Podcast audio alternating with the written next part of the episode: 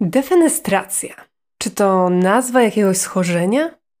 Wojny husyckie? Czy to w ogóle ma coś wspólnego ze Śląskiem? Witamy w kolejnym odcinku podcastu Szyb Kultury, w którym opowiadamy o historii i kulturze Śląska po całości. Witamy w składzie Barbara Szustakiewicz-Przybyłka i Zbigniew Przybyłka.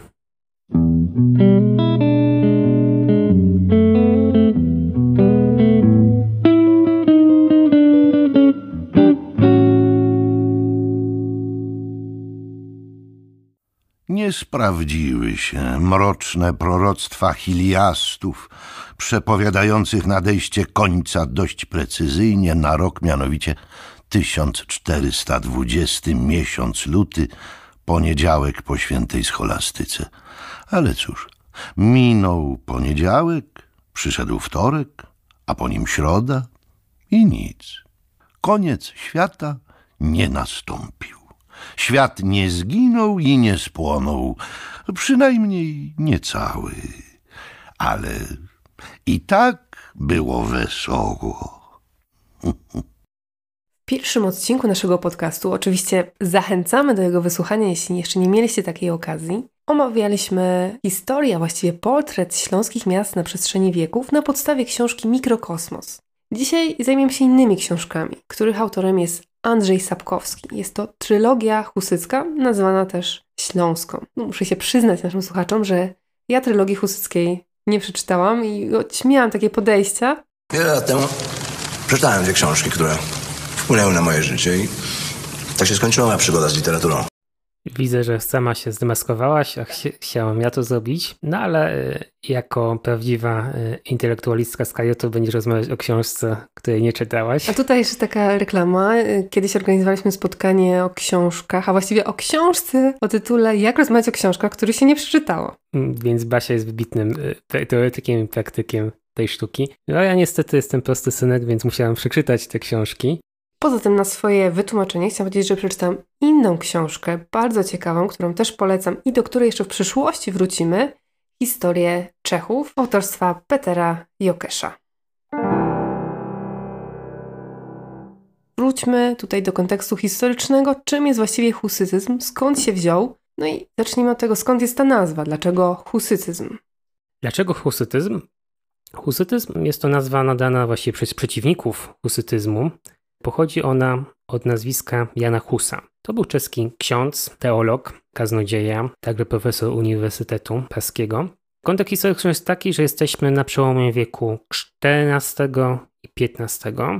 To są czasy przełomu i w, w, historii Czech, i w historii Europy. Są to także czasy niepokojów religijnych, fermentu religijnego, który toczy Kościół powszechny. Jan Hus w swoich naukach inspiruje się innym, wcześniejszym o, o pokolenie teologiem angielskim, zwanym z Polska Janem Wyclifem. I pod wpływem tych nauk wyklefizmu zaczyna szerzyć własne nauki, no, które apelują o reformę Kościoła katolickiego katalog zarzutów względem Kościoła instytucjonalny, ciężkie słowo, instytucjonalny. Więc katalog zarzutów względem Kościoła katolickiego jest taki dosyć standardowy aż po czasy dzisiejsze, czyli oczywiście zepsucie kleru, bogactwo i tak dalej, i tak dalej. Zbyt wiele się nie zmieniło przez te kilka wieków. No, Kościół zawsze jest w permanentnym kryzysie. Te nauki, które Hus zgłosił z punktu widzenia hierarchii kościelnej były po prostu herezją. Jako takie były tępione, ścigane także metodami e, karnymi. Jan Hus zostaje w 1415 roku spalony na stosie jako heretyk. W czasie soboru. W czasie soboru w Konstancji. Y, Jan Hus y, pojechał na ten sobór w celu dialogu z kościołem. No niestety nie udało się to. Zakończyło się to po prostu jego śmiercią. Chtěl jsem pro řád. A na té pravdě, kterou jsem učil, psal i kázal, chci rád umřít. Skončete to!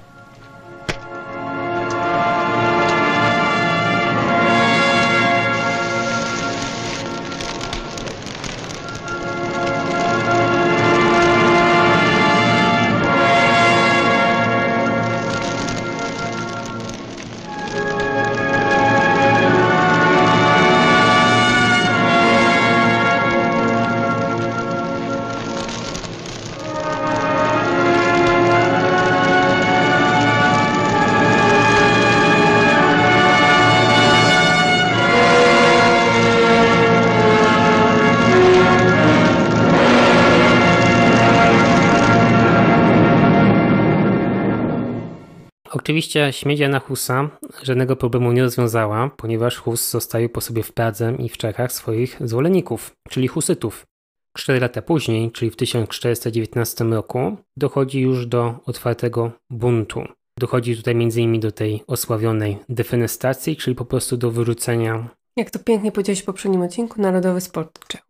Tak, Narodowy Sport Czechów, czyli wyrzucenie z okna rajców praskich, radnych praskich e, z Nowego Miasta Praskiego, katolickich. I to już był moment eskalacji wybuchu przemocy i wojny, wojny, która miała bardzo wiele poziomów. Bo oczywiście była to wojna religijna, wojna husytów z katolikami. Była to wojna także domowa, bo oczywiście nie całe społeczeństwo czeskie przeszło na husytyzm, a także zresztą husycki był podzielony na wiele frakcji, które także siebie nawzajem zwalczały. Były to także konflikt międzynarodowy, ponieważ nie akceptowano istnienia królestwa, które by po pierwsze obaliło swojego władcę, po drugie groziło eksportem ideologii husyckiej na mm, sąsiednie kraje. Dlatego także cała seria krucjat została zaaprobowana przez papieża. Do tego jeszcze dochodzi to, że sami Husyci i w ramach odwetu, i w ramach prób eksportu swojej rewolucji, i po prostu dla, dla rabunku, dla zapewnienia dla siebie zasobów, urządzali e, wyprawy łupieżcze na wszystkie sąsiednie krainy, czyli na Śląsk, na Morawy, na Łużyce, do Austrii, do Bawarii. Więc jest to konflikt wielopoziomowy. No i trwa dosyć długo. Za umowny koniec przyjmujemy rok 1434. Jest to rok bitwy pod Lipanami, kiedy to ten radykalny, rewolucyjny odłam husytyzmu, czyli taboryci, zostali rozbici przez połączone siły katolików i umiarkowanych husytów, czyli utakwistów. Nas interesować będzie zwłaszcza ten drugi okres wojen husyckich, kiedy husyci zaczynają zapuszczać się do sąsiednich krajów na tak zwane rejzy, czy też wspaniałe jazdy i Śląsk wielokrotnie padł ich ofiarą. Podobno 25 miast zostaje przez husytów y, na całym Śląsku zdobytych i zniszczonych, złupionych w tym czasie. Niektóre miasta przez kilka lat po prostu są w rękach husytów. Pierwsze ekskursy na Śląsk to jest 1425 rok, zniszczenie Barda, znanego sanktuarium maryjnego. W 1428 roku mamy taką potężną wyprawę w okolice Górnego Śląska, więc to jest zaatakowanie polskiej Ostrawy, Kietrza, Osobłogi, z bardziej znanych miejscowości Bytomia, Gliwic, także Kluczborka, Byczyny, także od Muchów został zdobyty Nysa oblegano. W kolejnych latach to jest Oława, E, Oleśnica, także klasztory, oczywiście takie sławne klasztory cysterskie jak w Lubiążu albo Czernicy. Z kolejnych górnośląskich miast mamy na przykład Rybnik, także Pszczyna była oblegana e, i tak dalej, i tak dalej.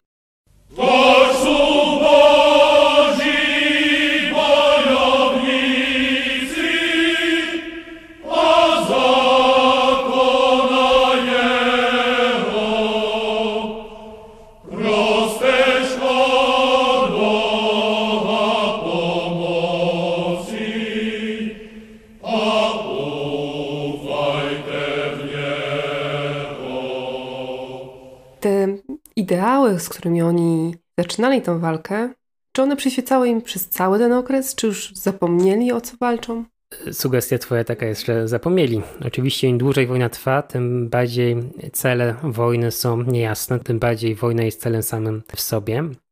Generalnie na, na Śląsku husytyzm się nie przyjął. Tutaj wskazuje się na to, że na pewną sympatię ten ruch mógł liczyć wśród warstw niższych. Tutaj wskazuje się na przykład na rok 1418 jeszcze, kiedy doszło do niepokoju we Wrocławiu i do tak zwanej defenestacji wrocławskiej, aczkolwiek tutaj związek z husytyzmem nie jest zbytnio wyraźny. Sapkowski zresztą czyni pewne aluzje do tego e, wydarzenia również, ale jeżeli chodzi o klasy panujące, o tych właściwych władców Śląska, czyli po prostu książąt śląskich, no to osoby, które by przychylały się husyzmowi były nielicznymi wyjątkami. Przede wszystkim mamy tutaj ciekawą postać Bolesława V Wołoszka, księcia opolskiego, który zresztą jest jedną z prominentnych postaci teologii husyckiej. Poza tym książęta piastowscy tworzą dość spójny front walki odpierania wpływów husyckich, tworzą kolejne koalicje, związki pod przewodnictwem biskupa wrocławskiego, też zresztą Piasta. Z kolei on jest czarnym charakterem całej teologii to łatwe. Ja zwyczajnie mogę wszystko. Świat to dominium, które musi poddać się władcom, z niskim ukłonem zaakceptować droit seigneur, władzę seniora. To raczej naturalne, że seniorami są książęta kościoła, jak również ich synowie. Tak, tak, Grzesiu. Generalnie wszystkie te próby kończą się porażką. Zarówno te próby obrony Śląska, jak i także próby krucjat. A w czym tkwił sekret chustów? Dlaczego przez tyle lat y, wygrywali? Tutaj wskazuje się przede wszystkim na innowacje militarne. Jesteśmy już w XV wieku, możemy tego nie czuć, zwłaszcza osoby wychowane na micie Bitwy Grunwaldzkiej 1410 rok, kiedy wydaje się to wielkim triumfem rycerstwa, w tym przypadku rycerstwa polskiego, że XV wiek jest to tak naprawdę czas zmierzchu rycerstwa. Jest to czas, kiedy na przykład piechota rośnie na znaczeniu. Jest to także czas, w którym e, coraz większym zakresie używana jest broń palna. Bardzo prymitywna, kusza, łuk mogą być e, ciągle skuteczniejsze, ale już się jednak rozwija. I husyci ładnie pokazują nam te przemiany wojskowości. Głównej siły no, to były osoby pochodzenia chłopskiego, ewentualnie z niższej szlachty. To byli oczywiście ludzie, którzy nie mieli pięknych koni i pięknych zbroi, w które mogliby się odziać. Do walki używali często swoich narzędzi rolniczych, cepów, wideł. No i oczywiście wozów i wozów, tak? I to jest oczywiście najsławniejsza w bitwach e, husyckich. Warto podkreślić, że po prostu potrafili też nimi manewrować, bo mieli doświadczenie. Tak, potrafili manewrować e, wozami. Jest to bardzo pięknie i dokładnie opisane przez Sapkowskiego. Właśnie Wagenburg, czyli tabor, inaczej mówiąc szyk taborowy. E, metoda jest prosta. Mamy rzeczywiście te chłopskie wozy przerobione dla celów bojowych, czyli wzmocnione w ten sposób, żeby mogły zastanowić osłonę dla swojej załogi gdzieś około 10-osobowej.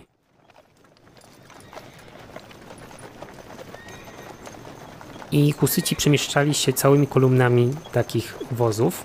Do bitwy stawali w ten sposób, że te wozy umieszczali w okrąg, ewentualnie w kwadrat i ostrzeliwali się właśnie za tych wozów. Nie podejmowali takiej otwartej bitwy, nie dawali się masakrować takiej rycerskiej jeździe, tylko ostrzeliwali się, czy to z tej prymitywnej broni palnej, e, czy z kurz zabójców swoich wozów i tworzyli w ten sposób taką miniaturową, e, mobilną twierdzę.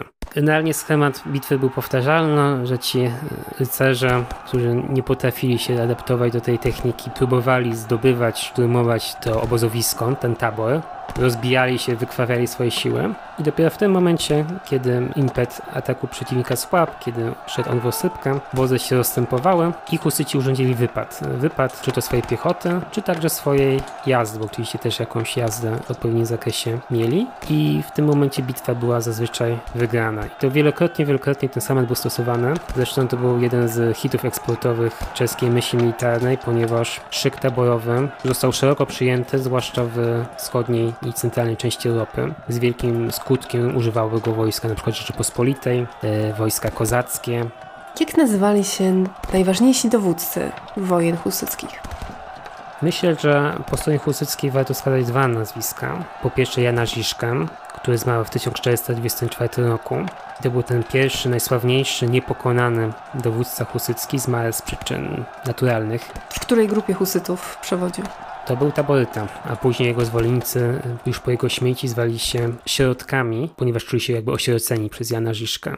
Przy okazji warto zaznaczyć, że Jan Żiszka już nie żyje w tym momencie, kiedy się akcja powieści Sapkowskiego zaczyna.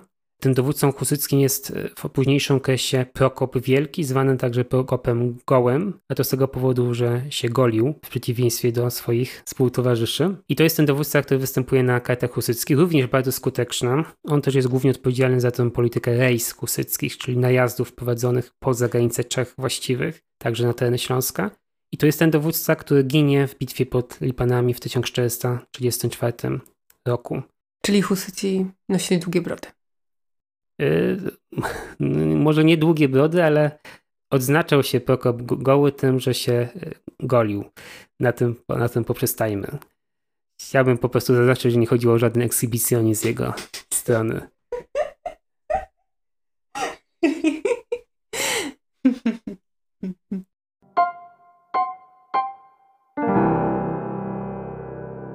Stronie katolickiej warto, żeby padło jedno nazwisko dotychczas niepowiedziane, czyli Zygmunt Luksemburski, który był tymże królem czeskim pozbawionym swojego tronu przez Husytów. A był nie tylko królem czeskim, ale był przede wszystkim królem węgierskim, był także królem niemieckim, a pod koniec życia stał się także cesarzem Przy okazji postać, która raczej źle się kojarzy w kontekście historii polskiej, bo była to postać, która często sprzymierzała się z krzyżakami przeciwko Polakom. Zresztą ten wątek wielkiej polityki w trójkącie, czy nawet czworokącie luksemburski, husyci, Polacy, krzyżacy, także stanowi dosyć istotną warstwę fabuły teologii husyckiej.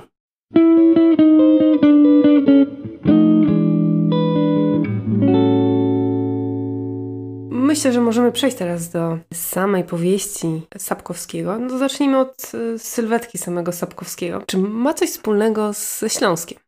No właśnie nie ma. Nie ma nic wspólnego ze Śląskiem, ani z Dolnym, ani z Górnym Śląskiem. Urodził się w 1948 roku, czyli jest to już dosyć starszy pan w Łodzi. Tam się urodził, tam się wychował i tam do dzisiaj mieszka.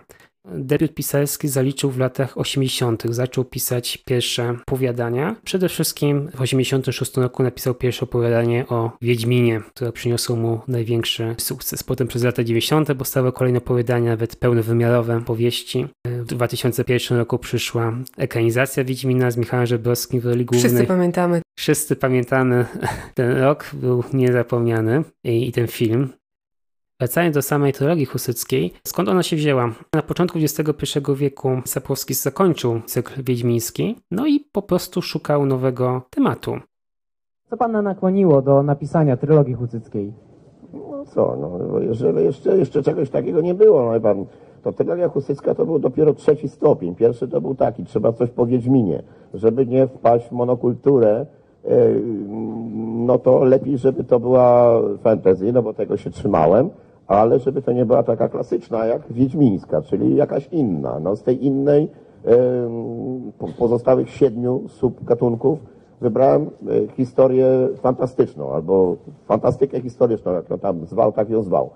No jak się znalazło fantastykę historyczną, trzeba było znaleźć moment historyczny, w którym się ją lokuje. I tu mi przyszedł do głowy właśnie, wiedziałem, że na pewno średniowiecze, bo wtedy, wie pan, ta cała wiedza zdobyta na temat końskiej uprzęży, średniowiecznej broni, heraldyki, wiedziałem, że mi się czegoś przyda. Nie pójdzie tak po prostu z dymem. No to więc co w historii średniowiecznej? No, krzyżaków, no ile było krzyżakach? No mnóstwo. I wyszli mi, wyszły mi te historie wojen husyckich, zwłaszcza historia śląska, spogmatwana, dziwna, śmieszna. Także to mi pasowało. I tylko tyle, nic, nic więcej. To nie było coś takiego, że jakoś jest to moment czasowy, czy, czy fakt historyczny, który wywiera na mnie jakiś aż tak wielki wpływ,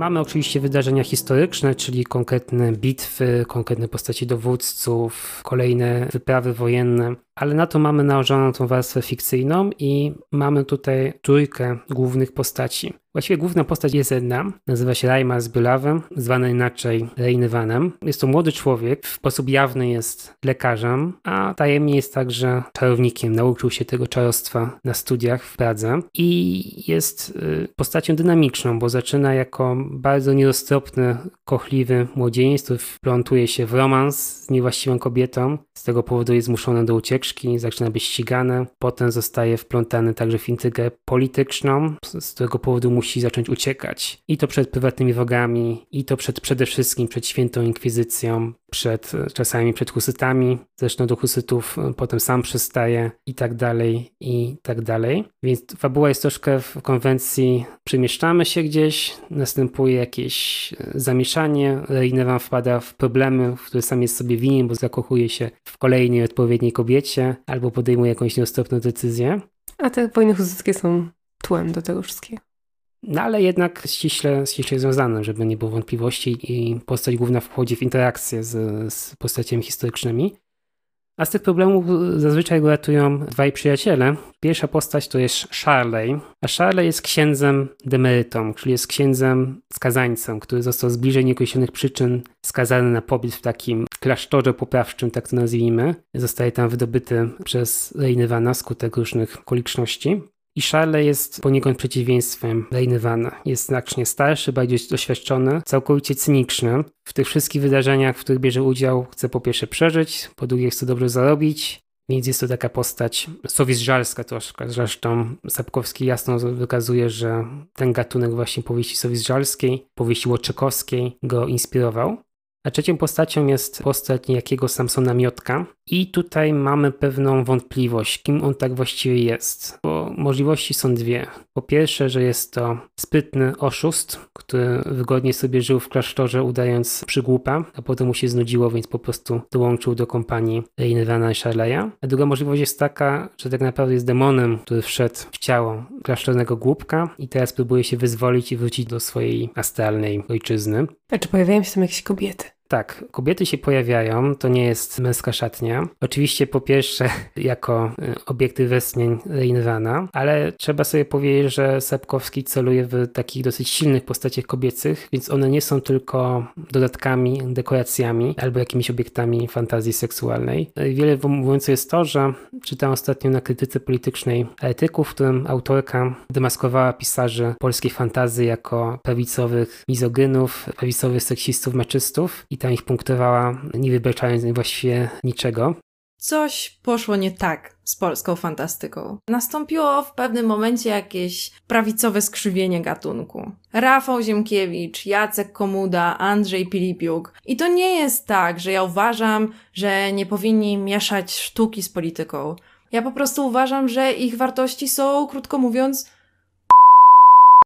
ale Sapkowskiego w tym katalogu nie umieściła. Może dlatego, że nie jest prawicowy. Tak, nie jest też prawicowy, a także trzeba sobie też powiedzieć przy okazji, że Sapkowski jest ateistą i to takim mocnym ateistą, który nie umieszkał skorzystać z okazji, że pisze już o czasach historycznych, żeby zademonstrować swoją niechęć wobec Kościoła katolickiego. We wszystkich trzech powieściach Kościół katolicki przedstawiony jest jako taka skorumpowana, cyniczna struktura. Na inkwizycja jest przedstawiona jako coś w rodzaju jakiegoś NKWD, jako jakaś złowroga siła, instytucja e, biurokratyczna, jednocześnie bardzo skuteczna, która nęka głównych bohaterów i stanowi jakąś taką próbę policji myśli w kategoriach orwellowskich to ujmując.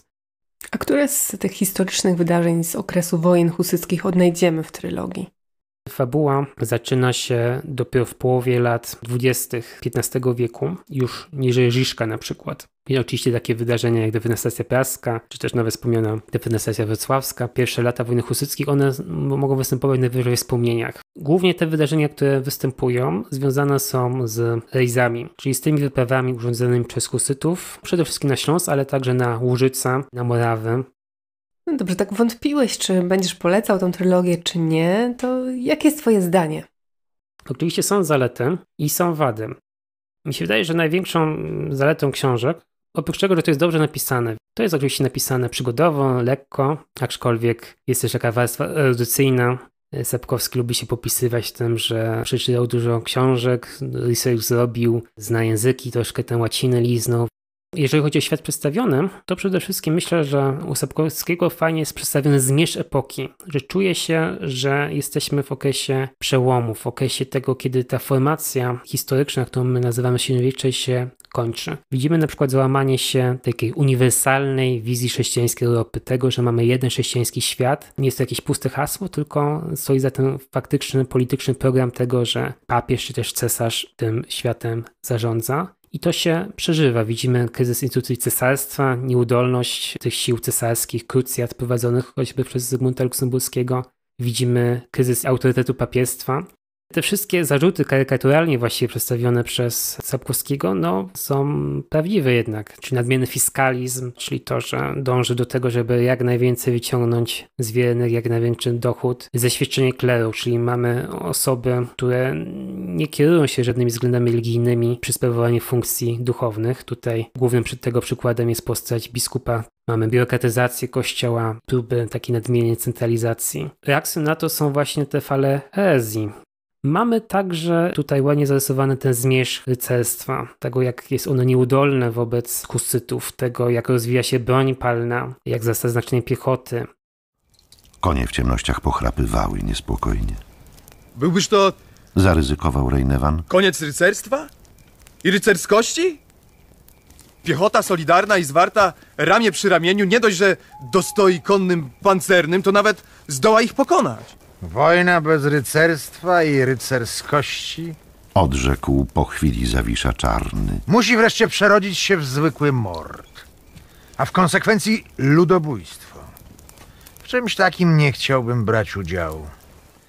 Mamy także bardzo ładnie przedstawiony fenomen reubryterstwa, czyli rycerzy, którzy są zdeklasowani właściwie, którzy tracą swoje podstawy majątkowe i społeczne dawne funkcjonowania i zajmują się po prostu bandyterką. Kolejny wątek, który jest ładnie przedstawiony u Sapkowskiego, jest to, że kończy się także Europa łacińska. Bo owszem, mamy mnóstwo łaciny w tej powieści, ale obok tych y, różnych cytatów łacińskich widzimy, że już równolegle funkcjonuje bardzo dojrzała literatura w językach narodowych. Czyli mamy cytaty, nie wiem, z polskiej komedii Dantego, bardzo, bardzo często cytowane, czyli język toskański. Mamy też nawet jakieś fragmenty po katalońsku, po wansalsku, oczywiście jakieś pastusy czeskie, literaturę y, niemiecką. Czyli widzimy, że już wytwarza się kultura wysoka w tych językach nie, niełacińskich i ta jedność e, łacińska Europy także się nam powoli kończy. Tak samo ten świat, w którym osoby uczone, e, księża, studenci tworzyli pewną republikę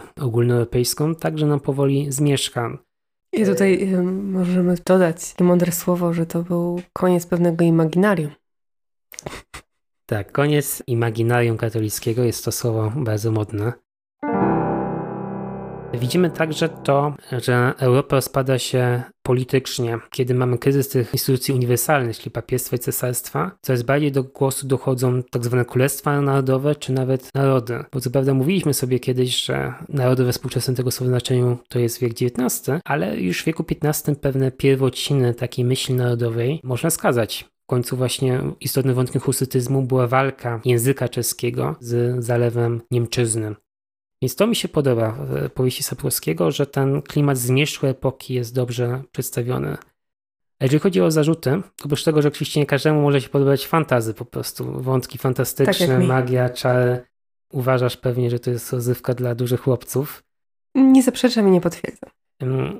Przede wszystkim ja mam problem z, zawsze, jeżeli czytam jakąś powieść popularną, czy oglądam film, który traktuje tematach historycznych, że mam świadomość tego, że większość osób ukształtuje sobie wyobrażenia na temat jakiegoś wydarzenia historycznego albo epoki historycznej właśnie na podstawie tego dzieła popularnego. Sapkowski odpowiada na wszelkie zarzuty dotyczące anachronizmów, błędów historycznych, że to jest powieść, tak, że on nie jest, nie jest obowiązany do trzymania się prawdy historycznej, że on pisze tak, jak mu się podoba. W przypisach do książki, niestety dosyć skromnych, to wprost mówi, no a to postać to sobie wymyśliłem, albo tą postać zupełnie z, z, innej epoki wziąłem, albo na przykład wkładam w usta tej postaci kazania księdza Piotra Skargi, które są 100 lat późniejsze i tak dalej, i tak dalej, więc Sapkowski odrzuca bez wahania takie zarzuty o jakąś ahistoryczność, czy też prezentyzm, czyli tak rzutowanie na czasy dawne naszych wyobrażeń. Miesza pan różne czasy historyczne, bądź wprowadza pan e, jakieś zaskakujące e, fakty w sytuacjach, w których z historycznego punktu widzenia w ogóle nie powinny się przytrafić. E, czy te anachronizmy to tylko i wyłącznie gra z czytelnikiem, czy czasami e, korzysta Pan z nich dlatego, że nie chce się Panu sięgnąć do archiwum i sprawdzić? Aż to nie, aż tak leniwy to ja nie jestem. Poza tym ja nie muszę sięgać do archiwum, żeby coś sprawdzić. Z reguły to wiem. Jeżeli chodzi o anachronizmy, to trzeba być może rozdzielić je na dwie warstwy. Pierwsza to jest anachronizm językowy. Yy, dlatego, że utarło się i to miałem z tego powodu liczne pierepałki jeszcze z redaktorem Parowskim w Fantastyce, który z uporem maniaka wykreślał mi słowa typu psychiczny, prawda, arogancki, yy, coś, co uważał, że podówczas się tak nie mówiło. Bo wówczas, jak, jak, jak wiadomo, mówiło się, a pójdźże dziewko do łożnicy i tam cię pochędorze. I to jest właściwy, właściwy sposób pisania fantasy, to znaczy wystylizowanie języka na coś straszliwie dziwnego. Dlatego, że jak, jak łatwo zgadnąć, taki język nie pasuje do żadnej epoki. Jest to jakaś wymyślona przez y, y, pisarzy y, kompletny jakiś wolapuk. Tak, takim, takim językiem nigdy nie mówiono. E, w związku z tym y, uważałem, że lepiej będzie stosować język y, jak najbardziej zbliżony do tego, jakim się dzisiaj posługujemy i sprowadzić stylizację do takiego niezbędnego minimum, do takiej przyprawy do zupy, niczego więcej. I że tekst będzie w ten sposób strawniejszy, znacznie strawniejszy. Czyli to jest ta językowa strona anachronizmu. Druga strona to jest ta, ta rzecz, która pozwala mówić o genetyce, o eugenice, używać słowa ludobójstwo, Czyli to jest y, anachronizm faktyczny. Nie można mówić o czymś, czego nie było, względnie nie wymyślono jeszcze nawet takiego pojęcia. E, ja uważałem, że jeżeli go nawet nie wymyślono, to wiedziano o co chodzi. I też sobie pozwalałem w tym względzie na czystą dezynwolturę, ale też nie dlatego, żeby aż tak się czytelnika złościć, czy złościć y, purystów, tylko po to, żeby tym bardziej zaznaczyć, że historia przeze mnie opisywana ma święte prawo i święty obowiązek być również traktowana jako historia ponadczasowa. To był jeden z tych sygnałów. Więcej do dodania nic nie mam, chyba że obelżywe słowo. E, wszystko ładnie, tylko właśnie pytanie o jakieś poczucie odpowiedzialności autora dzieła. I to dotyczy nie tylko Sapowskiego, ale z wszystkich dzieł kultury popularnej. Po co pisać takie książki, które mają być w jakimś zamyśle, przedstawiać jakąś historię, a niech traktują jej poważnie? No jeżeli ludzie chcą to czytać, no to jest, y, jest to uzasadnione. To jest fikcja, to jest fabuła. Autor musi nawet zmyślać pewne rzeczy, bo to byłaby to dosyć nudna książka historyczna, gdyby miała za zadanie oddać prawdę w każdym aspekcie.